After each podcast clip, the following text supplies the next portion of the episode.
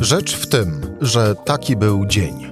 Cezary Szymanek, zapraszam na codzienny podcast Rzeczpospolitej. Środa, 26 stycznia. Kolejne dwie osoby dołączają do grona podsłuchiwanych przy pomocy Pegasusa w Polsce. Roman Kiertyk przed Senacką Komisją mówi, że służbom chodziło przede wszystkim o Donalda Tuska. Opozycja nie widzi przeszkód, aby Paweł Kukis został szefem Sejmowej Komisji Śledczej, a minister Mariusz Kamiński mówi z kolei, że cały ten Pegasus to nie jest prawda i nadużyć nie ma. No ale raczej wszyscy po tych słowach się nie rozejdą. Michał Szulżyński, już za chwilę rzecz w tym, że zapraszam Cezary Szymanek. Słuchaj na stronie podcasty.rp.pl. Włącz Rzecz w tym w serwisie streamingowym. I Michał Szulżyński, zastępca redaktora naczelnego e, Rzeczypospolitej, moim gościem. Michał, dzień dobry. Dzień dobry Cezary, dzień dobry Państwu. E, zanim, e, no właśnie, bo e, dzisiejszy dzień, czyli środa pod znakiem Pegasusa, przynajmniej jeżeli chodzi o wiejską, ale również jeżeli chodzi w ogóle o dyskurs publiczny, no bo wczoraj wieczorem Citizen Lab podało, że potwierdzamy dwa nowe przypadki hakowania Pegasusem w Polsce. Te dwa nowe przypadki to lider agrounii Michał Kołodziejczak i współautor książki o Mariuszu Kamińskim Tomasz Szwejgiert. Michał Kołodziejczak od razu skomentował ów fakt w sposób następujący następujący cytat. Mnie nie mogli legalnie inwigilować, bo nie ma żadnego śledztwa, w którym bym występował. To wojna polityczna. Koniec e, cytatu. Michał, e, rodzi się automatycznie e, pytanie, czy to już jest ten moment, że o ci, którzy mówią o wykorzystywaniu Pegasusa do podsłuchiwania ludzi w Polsce, nazywając ów fakt polską Watergate, nie przesadzają? Z pewnością mamy kolejne twarde no, można powiedzieć dowody, no bo Citizen Lab jest organizacją ekspercką, e, czyli to już nie są poszlaki, tylko twarde dowody, że kolejne osoby były e, podsłuchiwane czy inwigilowane Pegasusem. No oczywiście e, w sposób oczywisty najważniejsze jest tutaj nazwisko Michała Kołodziejczaka, dlatego, że jest to człowiek, który buduje ruch polityczny, mm, właściwie ruch społeczny, pewnymi ambicjami politycznymi, e, który władza może postrzegać jako e, dla siebie e, niebezpieczny. Nie tylko dlatego, bo tutaj spierają się od rana, właściwie od wczoraj wieczorem spierają się socjologowie i demoskopowie, analizując rozmaite badania, czy PiSowi zagraża agrounia, czy nie zagraża. Natomiast jedno jest pewne. Agrounia bardzo mocno atakuje partię rządzącą. Organizowała kilka bardzo głośnych protestów. Te protesty w Warszawie Warszawie. Pamiętamy, gdy mm, pod siedzibą PiSu kilkakrotnie zjeżdżali rolnicy z Agrounii. I też y, punktuje partię rządzącą w kilku ważnych y, sprawach. No chociażby Michał Kołodziejczak był tą osobą, która mm, mocno krytykowała y, rząd czy resort rolnictwa za mm, działania dotyczące y, afrykańskiego pomoru świń, a właściwie brak tych działań, czy za to, że te działania są niewystarczające. E, co dla PiSu nawet nie jest wprost takim zagrożeniem, że Michał Kołodziejczak wystartuje i co będzie, odbierze głosów PiSowi, to zostawmy e, tym ekspertom, którzy się spierają. Natomiast z pewnością uderza bardzo mocno w ten mit, który PiS chce zbudować. To znaczy, że jest partią, która najbardziej dba o interesy e, polskiej wsi. I w tym sensie Michał Kołodziejczak jest dla PiSu mm, niebezpieczeństwem. I jeżeli na jego telefonie są ślady e, Pegasusa, no to pojawia się tutaj mnóstwo pytań. To znaczy, w jaki sposób on stał się mm, jakby przedmiotem zainteresowań e, polskich służb specjalnych. Nawet w tym oświadczeniu, którym, o którym mówiłeś na wstępie ministra Kamińskiego, który wylicza, że nazwisko senatora Brejzy pojawia się w, w jakiejś tam sprawie z Inowrocławia, a Roman Giertych to coś tam, coś tam. Natomiast nigdy nie słyszeliśmy, nigdy służby nie mówiły, ani prokuratura, że jest jakieś postępowanie dotyczące, mm, dotyczące e, pana Michała Mało tego, Michał Kołodziejczak jest rolnikiem, e, a zatem jeżeli coś ktoś by miał do jego działalności. Powinna się nim zajmować prokuratura, e, może ktoś, ktoś, może policja, natomiast nie Centralne Biuro Antykorupcyjne, które zajmuje się ściganiem e, urzędników państwowych, którzy są skorumpowani. No, Michał Kołodziejczak urzędnikiem nie jest. Michał, no to w takim razie raz jeszcze. Czy to faktycznie można mówić polska afera Watergate, twoim zdaniem? I tutaj dochodzimy do rzeczy yy, czy do, do, do kwestii poziomu, o którym mówimy. Jeżeli mówimy o poziom opisu, nazwijmy to z punktu widzenia wartości, to moim zdaniem tak. Znaczy, mamy bardzo poważne e, zastrzeżenia i z drugiej strony rządzący mówią, wszystko było zgodnie z prawem. Z prawem.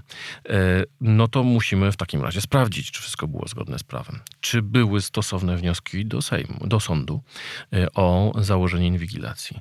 Czy sędziowie wiedzieli, jak potężnym narzędziem inwigilowani będą, yy, będą yy, ci, wobec których taką, takie działania podjęto. Czy została za, yy, zachowana zasada proporcjonalności? Wiemy, że Pegasus jest jednym z najpotężniejszych narzędzi, które mogą używać służby specjalne wobec, wobec przestępców. Właśnie przestępców. Natomiast nie polityków czy osób z kręgu świata opozycyjnego, którzy są doczepiani do jakichś, do jakichś spraw e, no, o charakterze największym, najpoważniejszym, no, terroryzmu, grubych przestępstw czy, czy grubej korupcji, no bo tym zajmuje się przecież Centralne Biuro Antykorupcyjne, e, które też przejęło jakiś czas temu od ABW kompetencje, jeśli chodzi właśnie o, dbanie o interesy e, państwa e, finansowe. Mm, tutaj mamy e, do czynienia naprawdę z potężną armatą i jest pytanie, czy ta armata była wykorzystywana w celach politycznych, żeby strzelać do przestępców, czy też po prostu ją wykorzystywano do tego, żeby przy okazji jakieś polityczne interesy obozu władzy robić. Ale tak jak mówię, to jest jeden poziom. Natomiast mamy też drugi poziom, mm, o którym warto też powiedzieć. To znaczy, mm, bo trochę widać taką bezradność części najbardziej zaangażowanych komentatorów, że no ta sytuacja jest tak skandaliczna, a, a PiSowi nie spada. I tutaj jesteśmy na drugim poziomie, to znaczy to jest poziom skuteczności. E, wiele już było sytuacji, w których opozycja alarmowała przed zamordystycznymi skłonnościami PiSu. Wiemy, pamiętamy, co się stało z Trybunałem Konstytucyjnym, co się stało z Sądem Najwyższym i tak dalej, i tak dalej, i tak dalej. I to nie są rzeczy, które PiSowi szkodzą. I mamy tutaj pewien rozdźwięk. Tak? Znaczy z jednej strony jest to z punktu widzenia wartości coś niedopuszczalnego, z punktu widzenia zasad liberalnej demokracji to są niezwykle ciężkie oskarżenia, ale z punktu widzenia no, takiej politycznej kuchni to nie uderza w elektorat, w, w, poparcie PiSu. I dlatego ta sytuacja jest inna niż afera Watergate, dlatego że dziś wyborcy, jak to najprościej można ich określić, propisowcy i antypisowcy są zamknięci w swoich bańkach. W czasach, gdy wybuchła ta afera Watergate, bez względu na to, że ktoś się dopuścił, e, czy nasi czy obcy dopuścili się mm, złamania zasad. No, chodziło przecież o podsłuchiwanie sztabu e, e właśnie opozycyjnego wobec, wobec e, Richarda Nixona. E, bez względu na to, czy dopuścili się tego nasi czy obcy, zasady były święte. W tej chwili nie ma świętych zasad, które by respektowały obie bańki. I dlatego nawet jeżeli te zarzuty się potwierdzą w 100%, jeżeli komisja śledcza powstanie i udowodni, e, że ministrowie mm, czy politycy nadzorujący służby przymykali oko na nadużycia w tej sprawie, jeżeli tak się stanie, to może się okazać, że to wcale wizerunku PiSu nie zrujnuje. Dwa komentarze, Michał, do Twoich słów, a właściwie dwie, dwie refleksje, bo może się okazać, a właściwie można odnieść takie wrażenie. Użyłeś słowa e, przestępcy e, w kontekście e, inwigilowania, Pegasus, czyli mówiliś, mówiłeś no, o takim powiedzmy normalnym świecie, e, czyli normalnych zasadach i warunkach u, u, użytkowania tego typu e, narzędzi.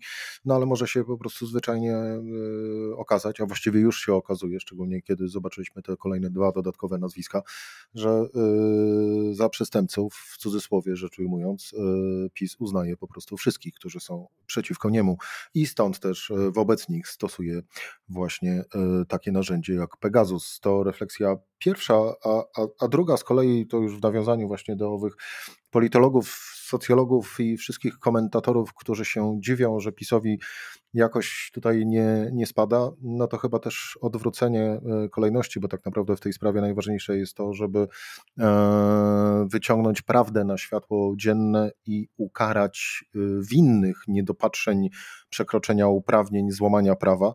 A jeżeli chodzi o notowania kogokolwiek, w tym wypadku partii rządzącej, no to tak naprawdę to powinna być kwestia wtórna, jeżeli chodzi o pociągnięcie do odpowiedzialności tych, którzy łamali łamali prawo. E, idźmy wobec tego e, dalej, bo to, to był komentarz do z kolei wczorajszej wieczorem ujawnionej informacji przez Citizen Lab. Tymczasem e, dziś, niemalże w tym samym czasie, najpierw Roman Giertych wszedł na posiedzenie Senackiej Komisji, która właśnie zajmuje się wykorzystaniem systemu Pegasus. Chwilę później rozpoczęło się spotkanie właściwie szeroko rozumianej opozycji w Sejmie z Pawłem, z Pawłem Kukizem. I zacznijmy od Romana Giertycha. Tam chyba najważniejszy z tych e, słów e, byłego wicepremiera, obecnie czynnego adwokata, e, najbardziej przebił się chyba jeden fakt, a mianowicie, że tak naprawdę Roman Giertych był swego rodzaju zającem, bo tak naprawdę chodziło o Donalda Tuska i no właśnie, i co? Znalezienie wreszcie, wreszcie, to jeszcze raz powtórzę, wreszcie przez PiS jakichś haków na byłego premiera.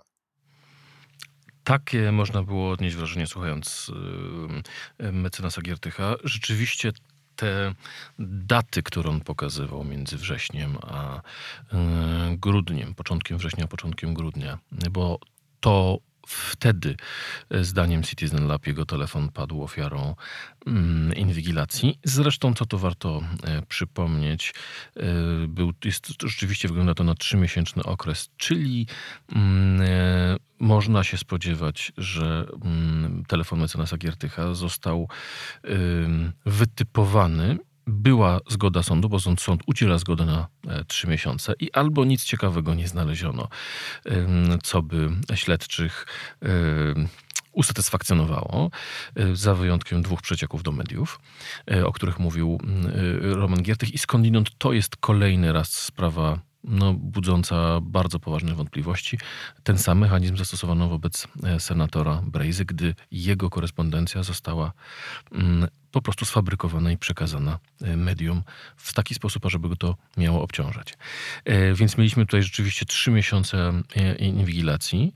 Mm, z tego, co widzimy z dat pokazanych przez Citizen Lab, co może oznaczać, że śledczy albo nie wystąpili o ponowną e, inwigilację Romana Giertycha, e, albo też wystąpili, ale sąd uznał, że halo, jak nie, nie znaleźliście żadnych dowodów przestępstw w ciągu ostatnich trzech lat, to, e, to w ciągu tych ostatnich trzech miesięcy nie znaleźliście dowodów przestępstw, to nie ma powodu, żeby dalej go mm, inwigilować. Ale tak jak mówię, to są rzeczy, które musimy do końca wyjaśnić. To znaczy, zawsze jest tak, że jeżeli prokuratura kończy y, działanie, a wiemy, że prokuratura chce postawić y, zarzuty y, mecenasowi Giertychowi. Gdy ta sprawa już zostanie zakończona, takie materiały i też cały ten, cały, cała ta dokumentacja jest, przecież nie zostaje niszczona. Niszczone powinny zostać wszystkie materiały, które pozyskano w trakcie podsłuchów, a które nie są związane ze sprawą, albo też no, nie wykazały właśnie e, przestępstw. Mm, I tutaj jest naprawdę sporo spraw, które, które, które trzeba wyjaśnić.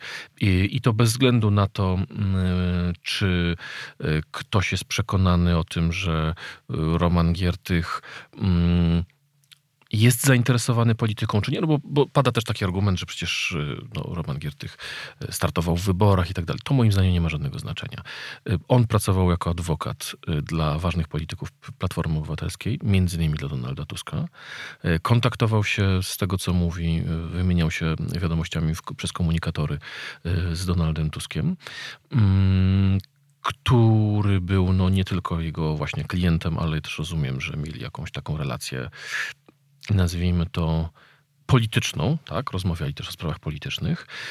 No i to sprawia, to, to, to sprawia że, że, że ta sprawa no, musi zostać wyjaśniona, chociażby właśnie z tego powodu, że mm, istnieje tajemnica adwokacka, istnieje, istnieje tajemnica obrończa mm, i tak jak mówię, jeżeli są jest pod jakąś sprawę, która prowadzi prokuratura, mm, dotycząca e, podejrzenia jakichś przestępstw, są dołączane osoby, które pełnią funkcje w, w, świecie opozycyjnym, e, no to zaczyna wyglądać, rodzić bardzo uzasadnione pytania o to, czy e, po prostu nie chodzi o inwigilację opozycji.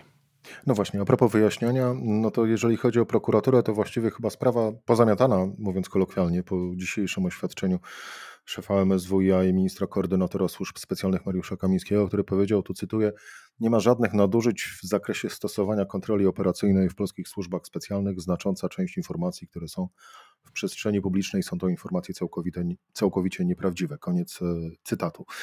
Więc wygląda na to, że chyba cała nadzieja w Sejmowej Komisji e, Śledczej.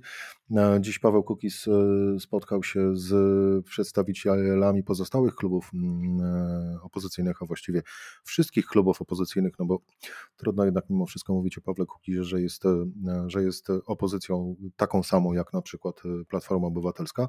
No ale przedstawiciele tych wszystkich partii opozycyjnych deklarują, że nie widzą przeciwwskazania, aby na czele komisji e, stanął właśnie sam e, Paweł Kukis. A to oznacza, że ten głośny i podstawowy warunek publicznie stawiany przez, e, przez Kukiza niniejszym został również publicznie zaakceptowany.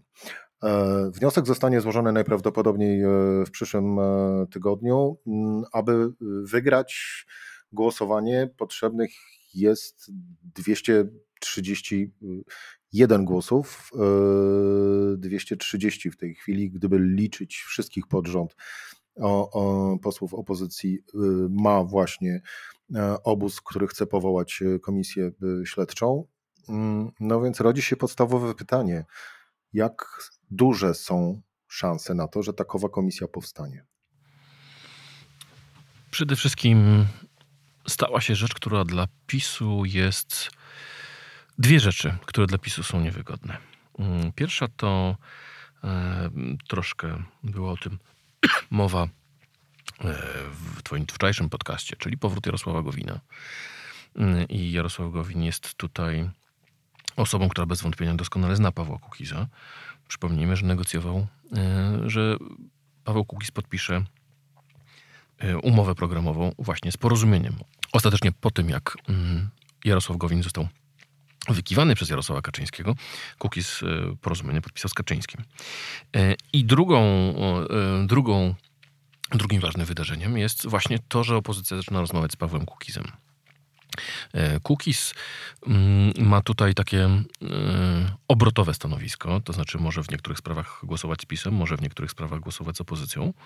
I w momencie, w którym będą te kanały komunikacji, to spotkanie z Pawłem Kukizem dzisiaj miało miejsce w gabinecie wicemarszałka Piotra Zgorzelskiego. Kukiz rozstał się z PSL-em, marszałek Zgorzelski jest z PSL-u, e, w bardzo mm, ostrym konflikcie, e, ale widać politycy i Kukiz 15 i PSL-u doszli do wniosku, że stare sprawy trzeba odłożyć, mm, a rozmawiać o nowej, e, o nowej rzeczywistości. E, no i, i rzeczywiście no, warto zwrócić uwagę, że wystarczyłoby, żeby e, żeby jeden poseł Prawa i Sprawiedliwości wstrzymał się od głosu, a wówczas wniosek może przejść.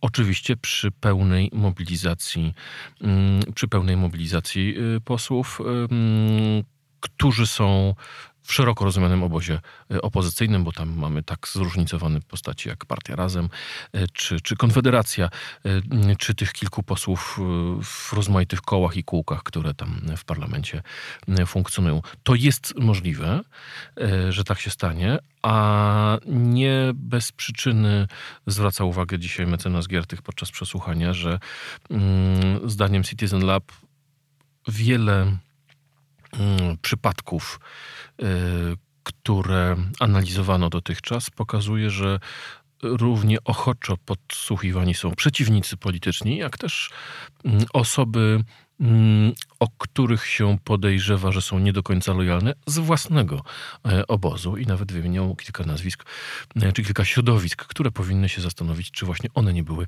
e, inwigilowane. No, słychać takie głosy z wewnątrz PiSu, że no, również członk niektórzy członkowie klubu PiS zastanawiają się, jak zagłosują podczas takiego y, głosowania.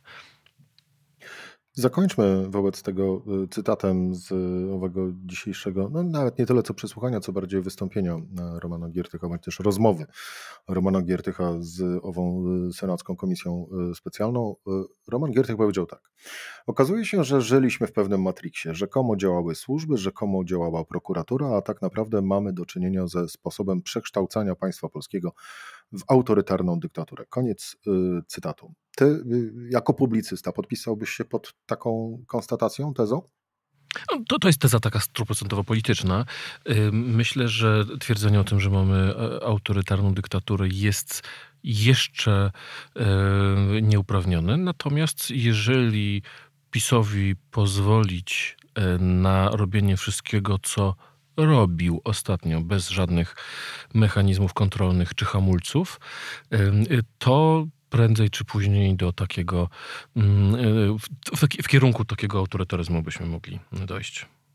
Michał Szulczyński, zastępca redaktora naczelnego Rzeczpospolitej. Michał, dziękuję Ci bardzo za rozmowę. Dziękuję bardzo. To była rzecz w tym w środę. Cezary Szymanek do usłyszenia jutro o tej samej porze.